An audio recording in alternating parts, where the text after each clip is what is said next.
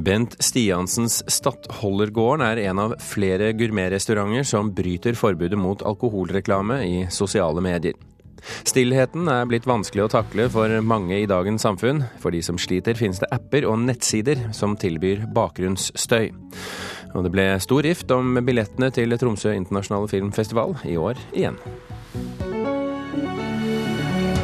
Ja, dette er noen av eh, sakene i Kulturnytt i dag. Dessuten skal du som interesserer deg for popmusikken få et knippe tips om hva du bør sjekke ut av nye utgivelser. Kulturnytt får du i dag med Birger Kolsrud Jåsund i studio. En rekke av landets mest kjente luksusrestauranter bryter forbudet mot alkoholreklame i sosiale medier. På billedtjenesten Instagram legges det stadig ut bilder av vin, sprit og øl. Det er mye kunnskapsløshet ute og går, fortviler rusfeltets fellesorganisasjon, Aktis. Her har vi et bilde hvor vi har eh, lagt ut eh, fem forskjellige typer viner som vi brukte på en spesiell eh, kveld på Smalhans. Anders Bråten viser fram et av Instagram-bildene til Oslo-restauranten Smalhans, som han er daglig leder for. Fem flasker vin stilt opp på bardisken med logoer i sterke farger. Bildet er publisert for å fortelle gjestene, eller de som skulle ønske å komme og spise, hvilke viner som ble servert den kvelden. Bildet er ett av flere i samme sjanger, og er myntet på de 10 000 som følger den kritikerroste restauranten på Instagram eller Facebook. Sosiale medier er en ny, billig og effektiv måte å drive markedsføring på, forteller Bråten. Det er jo derfor man utnytter seg av denne markedsføringskanalen, for den er såpass effektiv. Og dette er ikke restaurant Smalhans alene om. Et raskt søk viser at en rekke av landets aller mest kjente restauranter gjør akkurat det samme. Mina Gerhardsen i Aktis, rusfeltets samarbeidsorgan, er bekymret over utviklingen. Vi ser at det øker. Det er mye, mye bilder av flasker og glass eh, også på nettet fra importører fra utesteder. Det er så enkelt som at det er forbudt. Hun viser til at sosiale medier er forholdsvis nytt, og tror mange restauranter driver alkoholreklame uten å være klar over at de bryter loven. Vi ser at eh, noen tolker sosiale medier som noe annet enn vanlig forbud, og det er behov for å øke kunnskapen her. Helsedirektoratets avdelingsleder Hilde Skyvulstad sier det er mange som er usikre på om alkoholreklameforbudet også gjelder i sosiale medier. Vi registrerer et økende antall henvendelser om reklame på sosiale medier. Eh, det er flere aktører som ønsker veiledning på hva som er lov og ikke lov. Og det er også en del meldinger om mulig brudd på forbudet. Men reglene er ikke så vanskelige, sier hun. Dersom den som har lagt ut bildene har interesse av å selge alkohol, og bildet viser et konkret produkt, så er dette forbudt. Hei, du. Hei, hei. hei. Bent Stiansen går der. Ja. Kjendiskokk Bent Stiansen og hans Stadholdegården er en annen restaurant som har drevet ulovlig alkoholreklame. På restaurantens Instagram-profil ligger det flere bilder ute av viner de har servert. Stiansen forteller at de ikke har tenkt over at bildene var ulovlige. Altså Instagram, Facebook, Twitter, det er nye sosiale medier. Nye måter å, å vise hvem man er på. Og uh, i gleden over å vise faget vårt, så har vi sannsynligvis gått over en grense. Statoilegården har litt under 1000 følgere på Instagram. Sånn sett har vinreklamen nedslagsfelt på linje med Norges aller minste lokalavis. Likevel er Stiansen en autoritet i kokkefaget som har fått Michelin-stjerne i flere år. Han er ofte på TV og har skrevet flere bøker om matlaging. Påvirkningskraften hans skal derfor ikke undervurderes, sier Cecilie Staude, som er ekspert på bedrifters bruk av sosiale medier ved Handelshøyskolen BI. Ja, det vil si alle såkalte opinionsledere innen restaurantbransjen, altså kjente kokker, folk, kokker som er på kokkelandslaget, vil være eh, stemmer som folk lytter til. I så måte vil det som disse menneskene legger ut for folk som har lyst til å få de beste tipsene, så vil det da være naturlig å følge f.eks. Bent Stiansen på Instagram eller i andre sosiale medier. Nå vil både restaurant Smalhans og Stadholdergården fjerne alkoholreklamen fra kontoene sine. Det er bare ett kinkig problem Bent Stiansen må løse først. Eh, det er litt sånn komplisert prosess, for vi må finne vedkommende som ikke er i landet, som har laget profilen. Men det ordner seg helt sikkert. Ja, Det sa Bent Siansen til eh, Peter Sommer, som hadde laget denne saken sammen med Guro Kvalnes.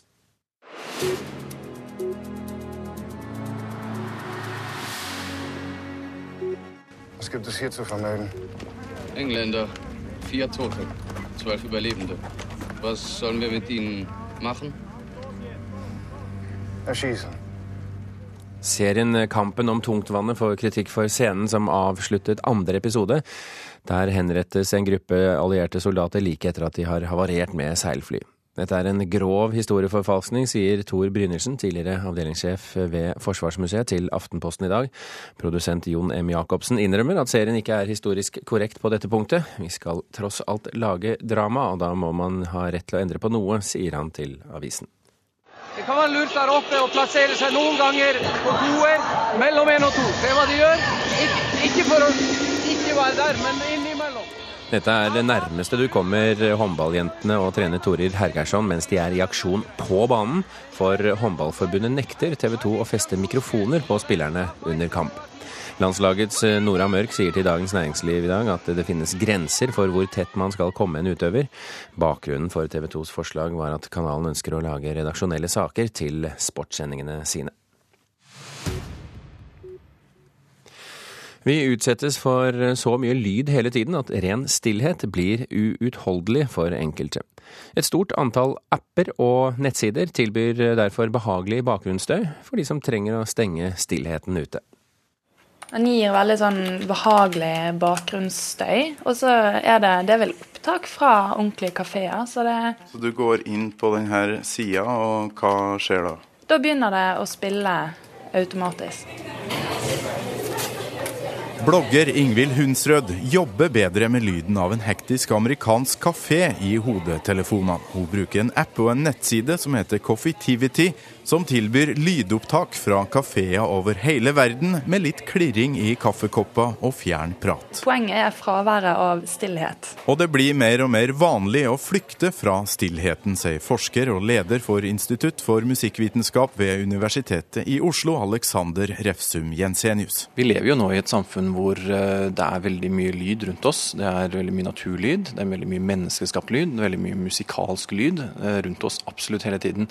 Så den kombinasjonen av stillhet og stillstand som jeg har vært opptatt av, den, den er veldig fremmed for mange nå i, i dagens samfunn. Elleve timer med denne suselyden har fått åtte millioner klikk på YouTube, der det ligger et stort bibliotek med bakgrunnsstøy som plaskende regn, flyplasslyd og fuglekvitter.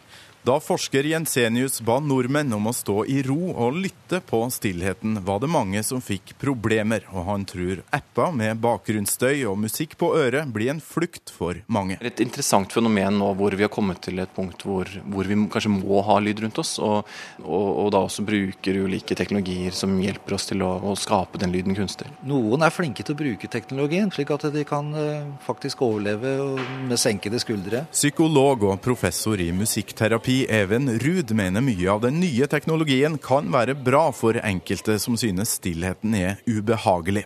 Men det bør brukes med måte, og Ruud anbefaler lange pauser for å unngå tinnitus, hørselstap og stressreaksjoner. Jeg tror nok at, at hjernen har godt av noen ganger å skifte frekvens. Ja, du kan sette i gang reaksjoner, hormonreaksjoner osv. Som, som gjør at uh, kroppen kommer i en stressituasjon. Det kan være bakgrunnsstøy som dette, eller det kan være andre typer lyder, eller musikk. Men da må det være helst musikk som ikke er for fengende. En bieffekt av at vi bombarderes med lyd og komprimert musikk i MP3-format, er at vi mister evnen til å sitte i ro og mak og bare lytte til musikk og naturlige lyder, sier forsker Alexander Refsum Jensenius. Det er veldig mye lyd, og det er høyere lyd, og også lydkvaliteten er ofte mer fortettet. Og det gjør jo igjen, når vi venner oss til å lytte på den måten, så blir det også vanskeligere å kanskje glede seg over de små subtile tingene og de store variasjonene. Eller så anbefaler jeg salmesang, faktisk. For det er veldig sånn behagelig. Og um, Du får jo ikke lyst til å danse, på en måte. Det er bare sånn behagelig bakgrunnsstøy. For meg er det det. og der ble også salmesang, salmesang bakgrunnsstøy. Reporter her, det var Torkil Thorsvik. Mange ville sikre seg de aller beste kinosetene da billettsalget til Norges største filmfestival, Tromsø internasjonale filmfestival, startet i går. Nettsidene til festivalen ble overbelastet da flere hundre publikummere prøvde å få kjøpt billetter samtidig, og på Fokus kino var køen lang. Publikummerne ble dermed nødt til å smøre seg med tålmodighet. Kanskje en halvtime, jeg vet ikke. Det går ikke så veldig fort forover, for det folk som står der, de skal sikkert ha sånn 10-20 billetter hver. Eli Larsen står bakerst i ei kø på Fokus kino i Tromsø, og der står hun nok ei stund til. Sammen med andre filmentusiaster skal hun sikre seg billetter til Tromsø internasjonale filmfestival, TIFF, som starter neste uke. Og da gjelder det å være tidlig ute. Jeg har ikke tid til å vente til fredag med å bestille billetter. Nei, for hvis du venter til fredag, så er jo kanskje de billettene gått til de filmene du vil se. Yes, det er akkurat det som er. Jeg bruker å være oppe klokka åtte og begynne å bestille de billettene, så det var, var skjært seg i år for meg. Mange av køståerne er nok ivrige etter å få seg en billett til filmen som skal åpne hele festivalen, 'Himmelen over Havanna'. ¿Por qué coño te fuiste como te fuiste? ¿Eh? El misterio Amadeo. Og med nærmere 150 filmer på programmet er det mye som kan lokke Jorid Jontila til kinosalen. Jeg har kryssa av noen, så jeg vet ikke riktig ennå hva som Jeg har ikke sett nok på det, men jeg har kryssa av noen. Jeg satt opp på 'Dancing Arabs', 'Dear White People'. Uh, og så skal jeg se på en uh, finsk om hager. er det noe spesielt du ser etter når du leter etter uh, filmene du skal se under festivalen? Nei, jeg ser egentlig bare på hva som står om programmet og tenker at det er en type film som jeg, jeg liker å se. jeg syns jo det er interessant å se en del fra andre kulturer. og så ser jeg noen dokumentarer. Og så, så liker jeg noen litt sånn feel good-filmer òg. At det er mange hundre på en gang. og kanskje et par tusen, så mye som et par tusen på en gang eh, på de høyeste toppene, eh, er det nok. Eh, og det som er, er at eh, alle er jo ikke inne og skal kjøpe én billett, og så går de ut. Alle er inne og skal kanskje gjennomføre 10-20, kanskje 30 transaksjoner. Så eh, ja. Så det, det blir mye folk inne på billettserveren med en gang. Selv om trykket etter billetter har vært stort, både på nett og på kinoen, er kommunikasjonssjef Håvard Stangnes i TIFF sikker på at det fremdeles finnes noen ledige seter i kinosalene neste uke. Første dagen er det alltid masse masse folk som sitter og venter for å sikre seg de billettene de, de har gleda seg til å kjøpe, og så flater det litt ut. Med et bredt smil kommer kinogjengeren Elin Fredheim fra skranken med hendene full av kinobilletter. Jeg er en tålmodig sjel, så jeg syns det gikk helt greit. Venter ikke for lenge på noe godt. Jeg sto kanskje i en 20 minutter. Har du en plan når du ser på katalogen? Litt plan og litt tilfeldig, og litt eh, hva andre sier. Ja. Noe du gleder deg spesielt mye til? Jeg gleder meg til åpningsfilmen, og så gleder jeg meg til The Garden Lovers. Og reporter her, det var Sigrid Agnete Hansen. Klokken er drøyt kvart over åtte. Du hører på Kulturnytt, og dette er toppsakene i Dagsnytt nå. Fremskrittspartiet kom med løfter de ikke kan holde i mulla Krekar-saken, mener Arbeiderpartiets Hadia Tajik. Eksperter tror kronekursen skal oppover igjen det neste halvåret. Dermed er det ikke sikkert at det blir så mye dyrere å reise og å kjøpe utenlandske varer. Og på Østlandet skaper underkjølt regn svært glatte og farlige kjøreforhold. Både Veitrafikksentralen og politiet advarer de som skal ut i trafikken nå. Vi har fått P3s Marius Asp inn i studio. Velkommen, Marius, og godt nyttår. Tusen takk, og like måte. Ja, Vi har bedt deg om å komme for å ta med et knippe anbefalinger fra popmusikkens verden. Tre tips om musikk vi nå bør sjekke ut ettersom juletonene har lagt seg. Og først har du plukket ut Madonna. Jeg trenger kanskje ikke spørre hvorfor? Nei, Jeg har liksom tatt med, meg, tatt med meg tre plater som skal komme denne våren, som, som, det er grunn til å i hvert fall se fram til på et eller annet vis. Madonna er jo ujevn, men man kan aldri avskrive henne.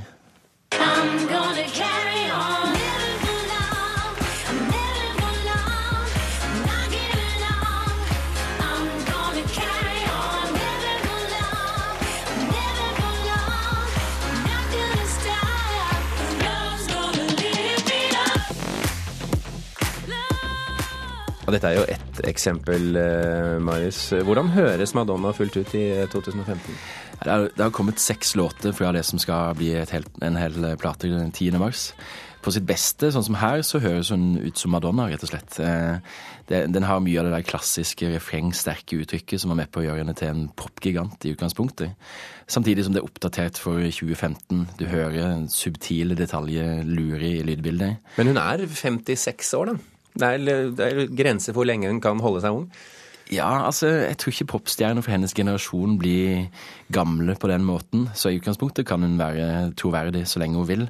Men Madonnas problem det siste tiåret har vært at hun har prøvd litt for hardt å henge med i svingene. Og at det har føltes en smule anstrengt. Og også blant disse seks låtene er det det, det, det, er noen som det, det, lugger litt tidvis når hun synger om et nymotens fenomen som Illuminati, eksempel. Eller har med seg Nikki Minaj på Bitch Amadana. Da høres det nokså fattig og generisk ut. Vi skal høre et, et eksempel på et annet samarbeid. Hello, my only one, just like the morning sun. You keep on rising till the sky knows your name. Remember who you are.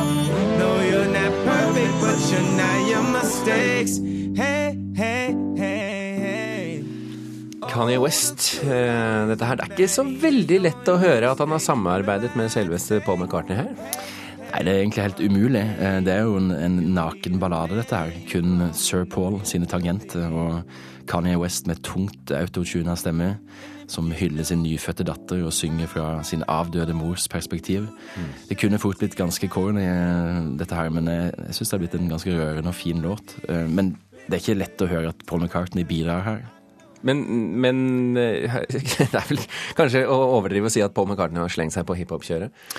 Ja, og eh, det er klart, den store vitsen på internett denne uka er jo horden av unge Kanye West-fans som syns det er skikkelig kult av Kanye West å sparke i gang karrieren til den ukjente og uetablerte artisten Paul McCartney. Ja. Nå kan han vente seg en stor karriere, nå som han har liksom klart å egle seg inn på Kanye West. Ikke sant? Ja. Tror du at uh, det vi hørte her, er representativt for hvordan platen til Kanye West kommer til å høre ut? Det er det som er så ekstremt spennende med Kanye West, at det er umulig å forutse hvor han går fra gang til gang. Eh, det finnes ikke så mange detaljer om dette albumet ennå. Tittelen er ikke klar, det er ikke noe releasedato. Eh, men nå har han fått en datter, og dette er jo en, som sagt en hyllest til henne. Northwest, som hun heter. Mm -hmm. Så det kan jo være at hun har inspirert en, en rolig og litt ettertenksom plate. Men plutselig kommer det en viking-metal-skive. Eller country, altså hvem vet. Kanye West er totalt uforutsigbar. Men dog har ikke fått sitt uh, rykte som en av de fremste popmusikerne eller hiphoperne i verden uh, helt uten grunn. Absolutt ikke, og, og, det er vel kanskje den, den der potensielle wow-faktoren. Hva, hva skjedde her som gjør at han fortsetter å være interessant uansett? Så har du plukka ut en til slutt her. altså Vi kan snakke litt om den først. Father John Misty. Hva er det for noe? Ja, han er en ganske annen type artist enn Madonna og Kanye West. For det første mye mindre. Han heter egentlig Josh Tillman, og han har bakgrunn som trommis i det skjeggete retrofolkbandet Fleet Foxes, som jo mange kjenner. Men han er egentlig mye mer interessant på egen hånd. Han skriver tidvis fantastiske låter. Musikalsk så er det et slags sånn barokk poplandskap som er både særegent og fullt referanse, særlig til det grandiose pianobaserte 70-tallet. Og så skriver han tekster som er veldig gode, ofte kyniske, og hysterisk morsomme, og andre ganger genuint vakre. Så hvis man, eh, hvis man, kjenner Randy Newman, Harry Nilsson, så er det ganske brukbare referanser. Og, uh, dette er altså et album som vi uh, venter på uh, albumformatet. Er det, er det fremdeles levedyktig i 2015? Jeg tror, eh, jeg tror, at eh, en artist som, som, eh, som Father John Misty, da, som, som, på en måte er et univers da, han, Det er en, grunn, en slags tegneserieversjon av det dekadente 70-tallet, sånn som det utspilte seg kanskje spesielt i LA, med sex, dop og terapi som ingredienser. Og da, da kan man få noe ut av albumformatet, hvis man har det konseptuelt gjennomført. Marius Asp, takk for at du kom til Kulturnytt og, og, kom med et knippe anbefalinger til det vi skal følge med på fremover. Vi kan uh, spille litt Father Misty her til slutt.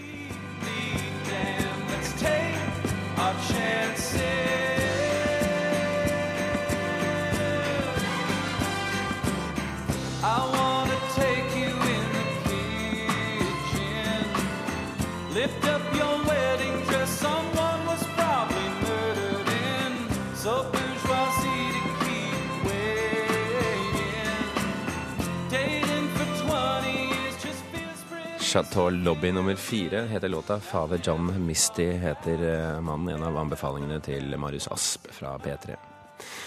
I byen eh, Decora i den amerikanske delstaten Iowa er det hard konkurranse om å få bli med i den nordiske folkedansgruppa. Og de som først blir plukket ut på audition, de må forplikte seg til å danse i ti år.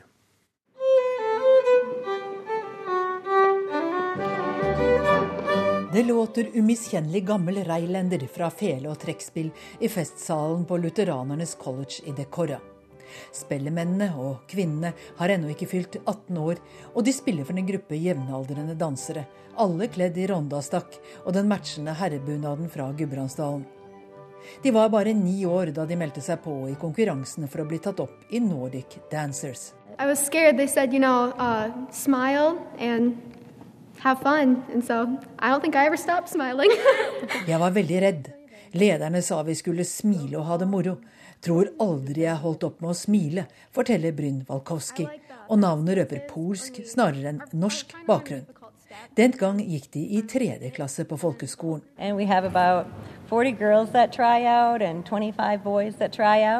Vi starter med rundt 40 jenter og 25 gutter, forteller instruktør Ann Keparit, også hun i rondastakk. De får to øvingskvelder på å lære seg to til tre danser, og så er det audition. Der velger vi ut 16 av hvert, dvs. Si i underkant av halvparten av de interesserte. Um, Så det er mange skuffede barn. De som kommer inn, må forplikte seg til å være med i ti år. Vi vil at gruppa skal bli skikkelig sammensveiset, forteller instruktør Ann. De trener minst én gang i uka fra januar til juli og må lære seg 35 ulike nordiske danser i løpet av tiåret. Her er det en heller langsom variant av pols som spilles og danses. Etter hvert skifter takten så den ligner mer på springleik, og føttene subbes i gulvet på en annen måte enn det som er vanlig her hjemme. Men trinnene er hentet fra gamle nedtegnelser av skandinaver som slo seg ned i Midtvesten, og det var ikke alltid så nøye med hvilket bygdelag eller hvilket land inspirasjonen kom fra. Men finansieringsmåten, den ligner så absolutt på den skandinaviske måten. So at Nordic Fest, we, um, the parents make cookies. They make kransakaka and krumkaka. På den årlige nordiske festen som preger hele dekoret de siste dagene i juli, selger foreldrene hjemmebakte kaker. Kransekake, krumkake, sandkaker og rosetter, forteller instruktør Anne. Om et par år er det slutt på Nordic Dancers for vår gruppe. Vil de så fortsette å danse nordiske folkedanser? Did, girls, probably, I så fall vil jeg danse med de samme jentene, sier Carsten Krieg, som er omtrent tre kvart norsk. Det tar tid å bli vant til å holde jentene i hendene og ta tak i dem rundt livet. Carsten var ellers en utpreget karslig danser, slettes ikke av det sjenerte slaget. Og framtida den håper han blir i dekoret, slik at hans barn kan bære tradisjonen i Nordic Dancers videre. Gro Holm er vår reporter i USA. Danske Jussi Adler Olsen ble nylig kåret til den beste krimforfatteren i Europa. De foreløpig seks bøkene hans om avdeling Q har passert 650 000 trykte eksemplarer i Norge. Og i skrivestuen hans, nord for København, er norsk musikk en av inspirasjonskildene. Før skrev Jussi Adler Olsen i garasjen sin. Men så tok ting av, og suksessforfatteren har etter hvert solgt mer enn ti millioner bøker på verdsplan.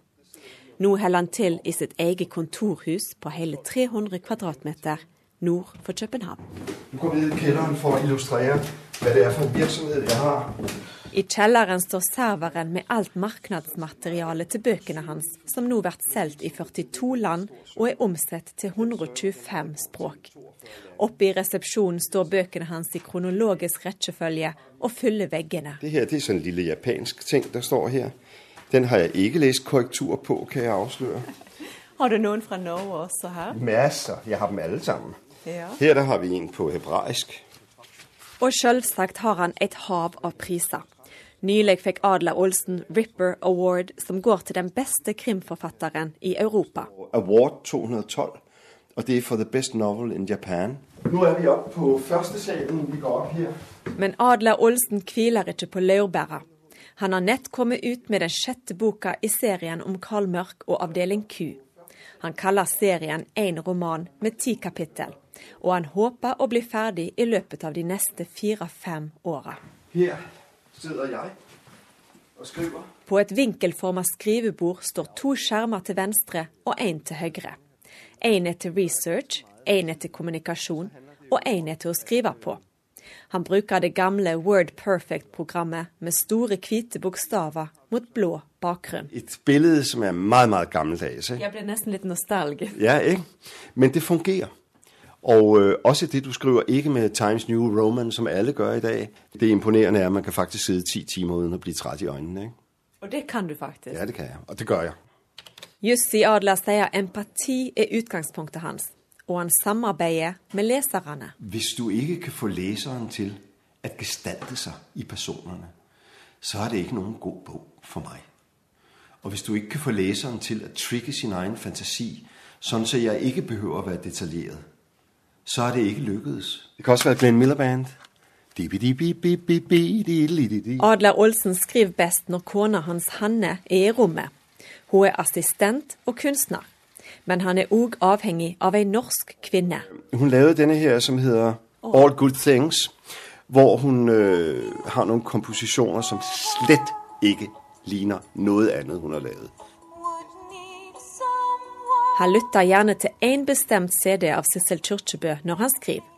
Når det gjelder norsk litteratur, leser han gjerne Erlend Lo, men ikke Jo Nesbø eller andre krimforfattere for den saks skyld. Han vil ikke bli påvirka, men film er noe annet. Jeg har sett uh, Jo Nesbøs Headhunter på film, og jeg vet jo godt den ikke er nær så god som, som boken er. Jussi Adler Olsen til reporter Tove Irén Spissøy Gerhardsen. Kulturnytt er eh, slutt. I dag har vi fortalt at Ben Stiansens Stadholdergården er en av flere gourmetrestauranter som bryter forbudet mot alkoholreklame i sosiale medier. Du kunne også høre at stillheten har blitt så vanskelig å takle i dagens samfunn, men at det for dem som sliter, finnes apper og nettsider som tilbyr bakgrunnsstøy. Kulturnytt fikk du i dag av Frode Thorshaug, Gjermund Jappé og med Birger Kolsrud Aasund i studio.